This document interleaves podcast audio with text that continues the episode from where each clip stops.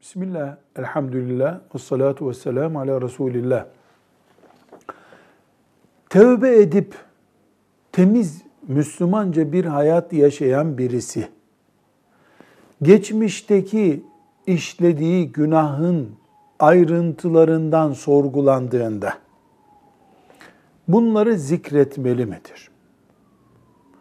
Cevap olarak diyoruz ki tövbe etmek hiç günah işlememiş gibi tertemiz olmak demektir.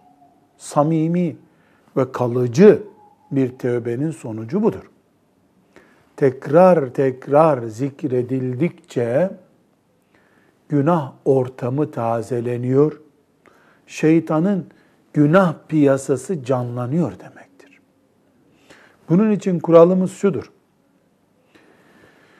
Bir kul hakkını ibra etmek veya bir suçtan temizlenmek gibi, bir mahkemenin sorusuna cevap vermek gibi ciddi hukuki boyutu olan bir sorgulama olmadıkça kimseye geçmiş günahı sorulmamalıdır.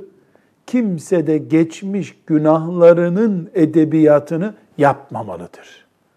Mümin olmak, temiz yaşamak, temiz idealli olmak bunu gerektiriyor. Velhamdülillahi Rabbil Alemin.